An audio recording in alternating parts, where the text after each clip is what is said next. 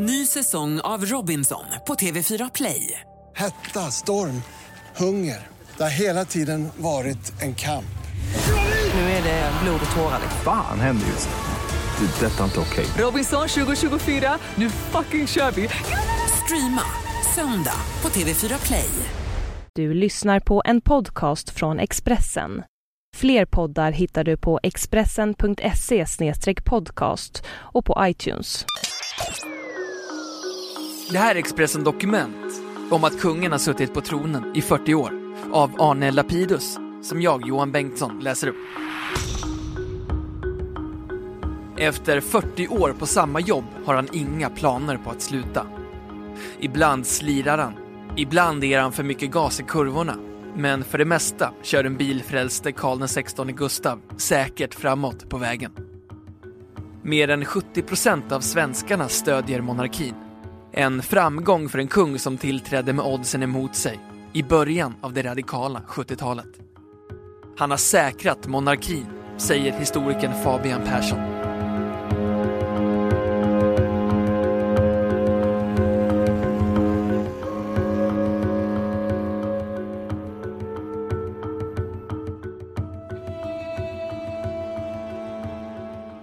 Den 15 september 1973 dör Gustav den sjätte Adolf, 92 år gammal. Han har svävat mellan liv och död i flera veckor på Helsingborgs lasarett och folket har följt dramat via livläkarens bulletiner på sjukhustrappan. Det är en turbulent tid. TV-rapporterna från sjukhuset varvas med direktsändningar från ett gisslandrama på Norrmalmstorg och med slutfasen i en stenhård valrörelse. Gamle kungen dör på själva valdagen. Dödsbudet kommer klockan 20.35 och redan samma kväll flyger kronprins Carl Gustav, 27 år, från Helsingborg till Stockholm. Statsminister Olof Palme väntar på Bromma flygplats. Fyra dagar senare, den 19 september 1973, svär Carl Gustav kungaeden på Stockholms slott inför regeringen Palme. Efter eden vandrar den nye kungen, Karl XVI Gustav, ner till rikssalen där han stående framför silvertronen håller sitt första trontal. Min beundrade och älskade farfar blev symbol för den moderna monarkin. Jag är fast besluten att följa hans goda föredöme, säger han och väljer valspråket för Sverige i tiden. Tiotusentals människor samlas utanför slottet. Den nya kungen får många brev. Martin, fyra år i Nacka, blir så ledsen när han hör kungen berätta i tv om sin döde farfar att han skickar honom sin nalle som tröst och får kungens gamla nalle som tack. Carl Gustav tillträder i en svår tid för monarkin. En ny regeringsform som tar ifrån kungen all makt ska träda i kraft 1975. Sverige är bara ett pennstreck från republik, enligt Olof Palme. Även om folkets stöd för monarkin är grundmurad har krafter inom det regerande S-partiet hoppats att gamle kungen ska avlida innan kronprins Carl Gustav hinner bli 25 år och därmed kungamyndig. Det skulle ha underlättat en övergång till republik. Han kom till tronen i en knepig tid.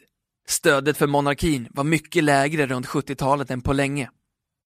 Frågan om republik kom upp igen, som den inte hade gjort sedan 1917 och 1918, säger Fabian Persson, universitetslektor vid Linnéuniversitetet, som forskar om hov och kungligheter. Hans valspråk för Sverige i tiden handlade om att vi skulle fortsätta att ha monarki. Han lyckades. Han gifte sig med en kvinna som föll väl ut som drottning, fick barn, säkrade dynastin, säger Fabian. Kritiker raljerar med den svenska kungen. De hånar honom och avfärdar honom som en lättviktare. Men han sitter kvar på sin tron, säkrare än någonsin. Karl XVI Gustavs 40 år som kung är en framgångssaga.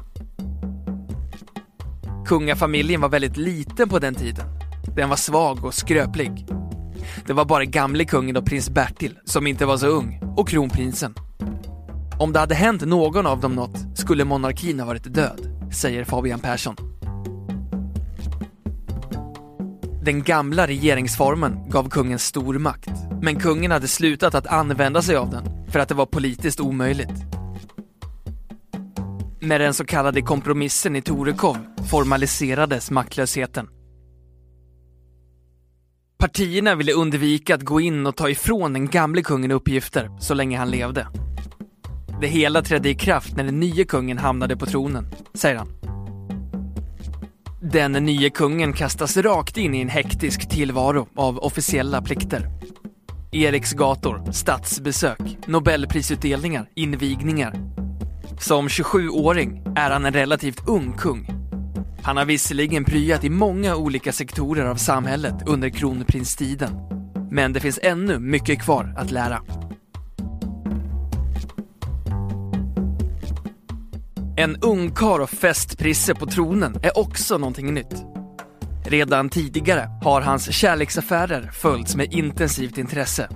Nu tilltar spekulationerna och den unge kungen paras ihop med lämpliga kandidater både i Sverige och utomlands. En smygtagen bild sommaren 1973 får ryktesvågen att fokuseras på en okänd mörkhårig kvinna. Fotografen Bertil Giget fångar henne och Carl Gustav på bild i dåvarande kronprinsens blå Porsche på en bensinmack på Öland. Det visar sig vara Sveriges blivande drottning, tyskan Silvia Sommerlath. De har träffats redan under München-OS 1972 då hon tjänstgjorde som värdinna för den svenske tronföljaren. Men det ska dröja till 1976 innan förbindelsen blir officiell. Under den tiden har kungen ett intensivt program. Han gör statsbesök i Norge och Finland, börjar besöka alla Sveriges län och tar emot utländska gäster. Vid ett besök i Falu koppargruva hösten 1973 skriver han sitt namn på bergväggen och glömmer ett par bokstäver. Det leder till hånfulla kommentarer, men senare framkommer att han lider av ordblindhet, dyslexi. Det har inte varit lätt alla gånger. Det är ett handikapp som är jobbigt för många människor, säger kungen i en intervju många år senare. Samtidigt fortsätter spekulationerna om kungens kärleksliv. Tidningen FIB Aktuellt publicerar 1975 en artikel under rubriken “Kungens hemliga kärleksnästen”. Artikeln får mycket kritik, fälls i Pressens opinionsnämnd och tidningen ber kungen om ursäkt. Samma år träder den nya regeringsformen i kraft. Kungens uppgift blir nu också formellt bara att representera, inte regera. Men han får fortfarande öppna riksmötet och vara ordförande i utrikesnämnden. 1975 besöker kungen också Danmark, Island och Storbritannien. Första frimärket med Karl XVI Gustav kommer till födelsedagen 30 april. Valör 75 öre. Kungen pryar på Expressen och lär sig den svåra konsten att välja första sidesnyheter. Och han åker på skidsemester till klosters i Schweiz. I samma backe finns Silvia Sommerlath. Presstjänsten vädjar till massmedierna att dämpa sin bevakning av kungens privatliv. Nästa år går i Silvias tecken. Förlovningen meddelas i Slottssoffan den 13 mars 1976 med kungens numera bevingade ord. Det sa bara klick. Ett par veckor senare framträder paret i det populära tv-programmet Sveriges Magasin och den 19 juni blir det ett sagolikt kungabröllop i Storkyrkan i Stockholm. Ärkebiskopen viger, bruden bär Dior och hundratusentals människor kantar kortegevägen. Expressens fotograf, Jonny Gran, lyckas ta den enda bilden av brudparets kyss. Nästa dag får Expressen med löpsedelsrubriken “Kyssen” sin största upplaga någonsin, 957 000 exemplar. Nu börjar kungafamiljen växa. Victoria föds 1977 Carl Philip 79 och Madeleine 82. I sju månader och 19 dagar är Carl Philip tronföljare nummer ett.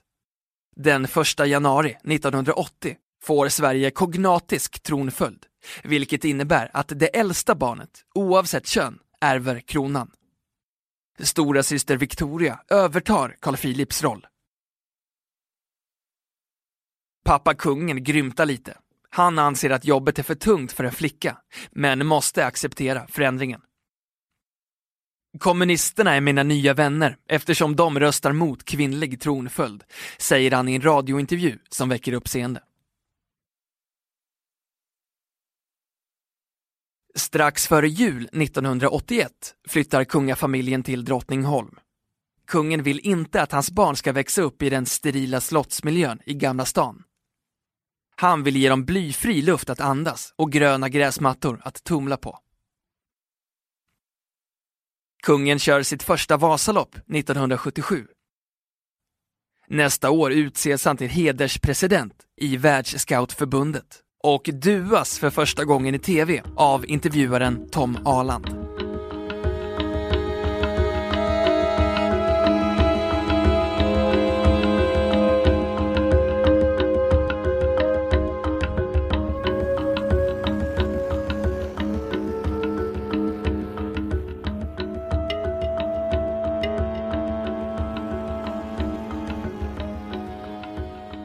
1981 hälsar kungaparet på USAs president Ronald Reagan i Vita huset.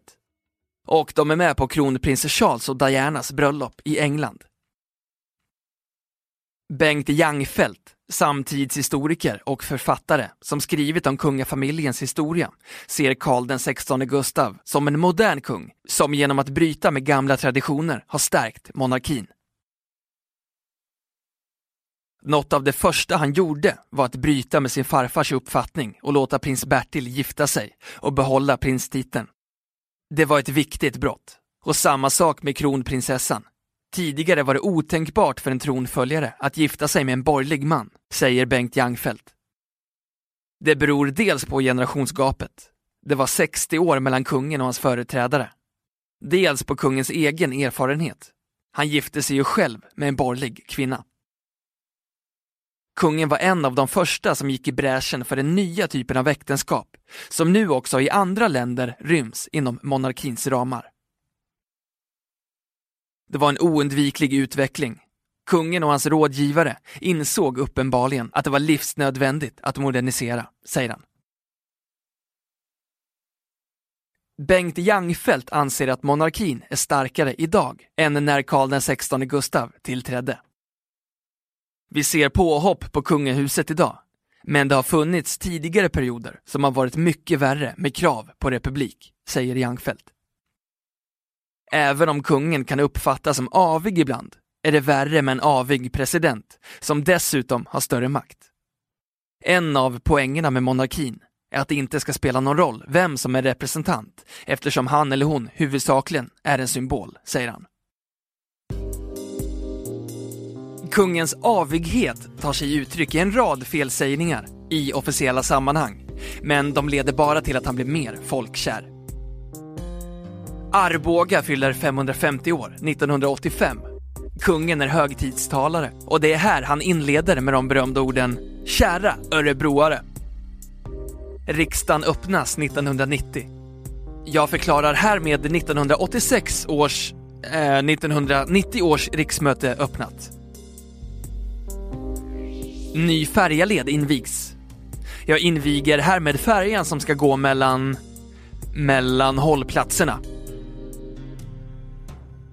Statsminister Olof Palme mördas 1986. Vid jordfästningen talar kungen med värme och känsla om en gammal vän och mentor. Säkerheten kring kungafamiljen skärps. Säpo hyr en racerbåt för att kunna följa kungafamiljen även till sjöss. Både sommarslottet Soliden och kungafamiljens hem, Drottningholm, sätts under hårdare bevakning. Kungen fyller 40 och monarker från alla håll strömmar till festen på Drottningholms slott. 1989 rasar norrmännen när Carl Gustav kritiserar säljakten.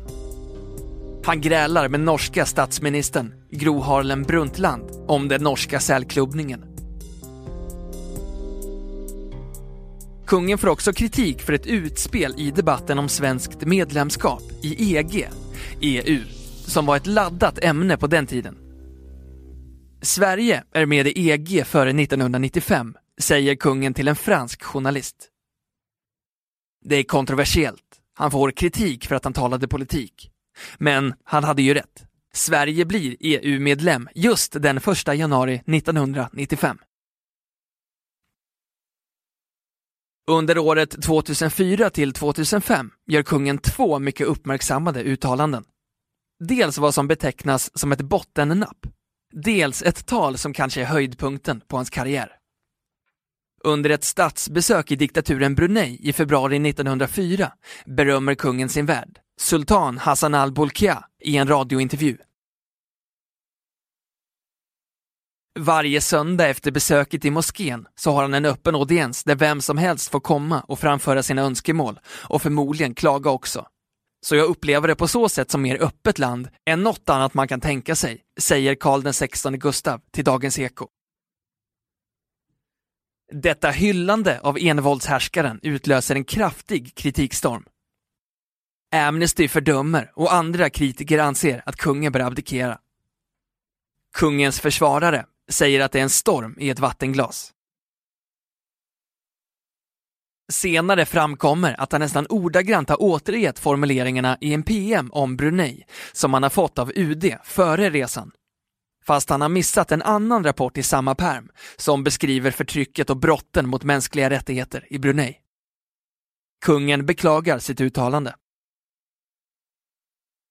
Mindre än ett år senare, vid en ceremoni i Stockholms stadshus den 10 januari 2005, håller kungen ett tal som med sin enkelhet och uppriktighet går rakt in i svenska folkets hjärtan. Efter det att 543 svenskar omkommit i tsunamikatastrofen i Sydostasien uttrycker kungen sin sorg på ett personligt sätt. Han hänvisar till sin egen erfarenhet att växa upp utan far och uppmanar män i sin egen generation att våga visa svaghet, värme och känslor. Han beskriver sig som en sörjande, sökande medmänniska. Jag önskar att jag hade ett bra svar. Tänk om jag som kungen i sagorna kunde ställa allt till rätta och sluta berättelsen med att sen levde de lyckliga i alla sina dagar. Men jag är, precis som ni, bara en sörjande, sökande medmänniska, säger kungen i talet. Tsunamitalet ökar märkbart hans popularitet i de opinionsmätningar som görs strax därefter. Monarki innebär ett genetiskt lotteri. Kungen är ingen naturlig estradör. Skillnaden är tydlig jämfört med till exempel kronprinsessan Victorias avspända framträdanden, säger historikern Fabian Persson. Men det kan vändas till hans fördel. Personer som är lite fumliga och aviga kan upplevas som mer genuina och uppriktiga. Kungafamiljen fortsätter att stärka sin ställning med en rad familjetilldragelser. 50-årsdagar, 60-årsdagar, kungajubileer, barnens födelsedagar och som kronan på verket, de två prinsessbröllopen. Och första barnbarnet Estelle, som kom till världen 2012. Redan tidigt visar sig kronprinsessan Victoria kunna överskugga sin far när det gäller popularitet. Victoriadagarna på Soliden är riktiga folkfester varje sommar med en entusiasm som pappa kungen har svårt att matcha. Enligt den senaste mätningen tycker 60% av svenskarna att kungen ska abdikera till förmån för sin dotter efter den holländska och belgiska modellen. Carl Gustav avvisar bestämt sådana tankar. Men barnens popularitet bidrar till att öka stödet för monarkin och det skulle sannolikt ha varit ännu större om inte den kontroversiella boken Karl den 16, den motvillige monarken, hade kastat en skugga över kungens senaste år. Boken som kom ut 2010 skildrar kvinnoaffärer som kungen påstås ha varit inblandad i samt det påstått utsvävande leverne som kungen och hans vänner ägnat sig åt. Vi vänder blad och går vidare, kommenterar kungen som tillbakavisar alla anklagelser i boken. Fabian Persson ser publiciteten kring boken som kungens största bottennapp. Det som står i boken hamnar som kontrast med den idealfamilj som kungafamiljen tidigare framställdes som. Kungen kanske skulle ha hejdat sig ibland och tänkt efter vilka risker han tar. Men han har trots allt landat rätt väl, säger Fabian Persson. Monarkin fungerar så att sitter man still i båten och biter ihop så drar problemen förbi. Det har gått hyfsat bra för kungen, säger han. Per Svensson, författare och journalist, som bland annat gett ut skriften Nej, monarkin har aldrig varit farligare än nu, tycker däremot att kungen verkar ha tröttnat på att vara kung. Det skulle bland annat Carl Gustafs arroganta uppträdande och svar i den senaste tidens intervjuer tyda på, anser han. Kungen vill inte vara kung längre. Det framgår av de senaste intervjuerna. Han har misslyckats med sin primära uppgift, medierna, de senaste 10-15 åren, säger Svensson. Han har inte kunnat hantera de kriser och familjeproblem som uppstått. Han är som en artist som fräser åt sin publik. Kungen har varit lyckosam i och med att monarkin har bestått. Men det beror mest på att intresset för kändisar och utrymmet i medier har ökat kraftigt. Kungafamiljen är de optimala kändisarna. Det är snarast därför monarkin har stärkts, säger han. Per Svensson, som är republikan, säger att det är viktigt med symboler för länder i en globaliserad och orolig tid. Men att kungen inte fungerar bra som nationell symbol. Han pekar på drottning Margareta av Danmark, som citat lyckas förmedla bilden av att hon älskar att vara drottning. Slutcitat. Och drottning Elisabeth av England, som är citat lite bister och butter, men respekterad. Slutcitat. Victoria blir en fenomenal drottning. När man ser henne ta emot blommor från barn ser det ut som att hon hela sitt liv väntat på just det här, säger Per Svensson. Kungen var nog bäst i rollen som småbarnspappa. Det fanns trovärdighet i bilden när han rullade köttbullar eller åkte skidor i Storlien. Det är lättare att vara familjefar än landsfar, säger han. Inte heller författaren Göran Hägg, som bland annat skrivit boken Utveckla monarkin, är imponerad av Karl den 16 Gustavs insatser under senare år. Kungen är duktig på att framstå som väldigt vanlig. Han får oss att tro att han skulle kunna vara du eller jag. Monarkin har lyckats, liksom i jämförbara länder, genom att göra sig så liten som möjligt, säger Göran Hägg. Det där funkade fram till nyligen. Det gick ganska länge, men på sistone har han tappat en hel del på grund av den motvillige monarken. Sin topp nådde han med det geniala tsunamitalet. Brunei klarade han också, eftersom att ingen väntade sig att han skulle känna till förhållandena där, säger han. Hägg anser att det bästa systemet vore att välja kung på lång tid. Då skulle vi få både en fungerande statschef och en turistattraktion. Mänskligt sett borde monarkin inte kunna hänga med länge i nuvarande form. Det är ett jobb där det huvudsakligen gäller att inte göra fel. Och även om man gör fel klarar monarkin oerhört mycket, säger Göran Hägg. De sista orden går till kungen själv, som lägger ut texten under rubriken 40 år på tronen, 40 år för Sverige, i en lång intervju med frågor och svar på kungahusets hemsida.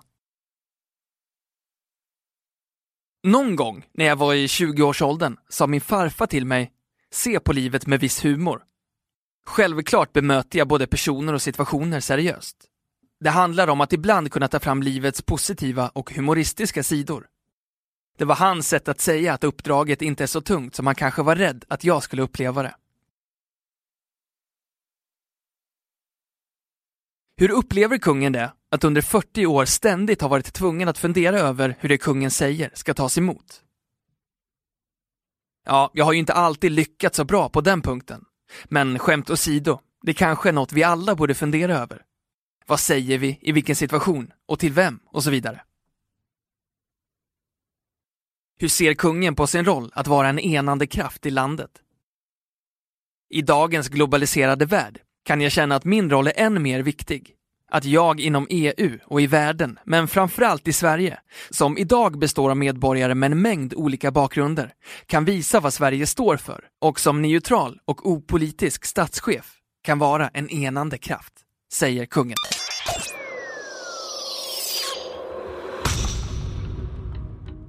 Du har hört Expressen Dokument om att kungen har suttit på tronen i 40 år av Arne Lapidus, som jag, Johan Bengtsson, har läst upp.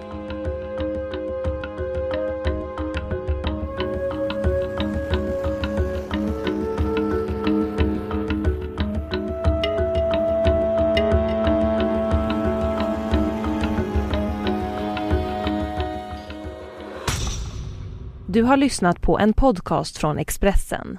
Ansvarig utgivare är Thomas Mattsson. Fler poddar finns på Expressen.se och på iTunes. Ny säsong av Robinson på TV4 Play. Hetta, storm, hunger. Det har hela tiden varit en kamp. Nu är det blod och tårar. Fan händer just nu. Det. är Detta är inte okej. Robinson 2024, nu fucking kör vi! Streama söndag på TV4 Play.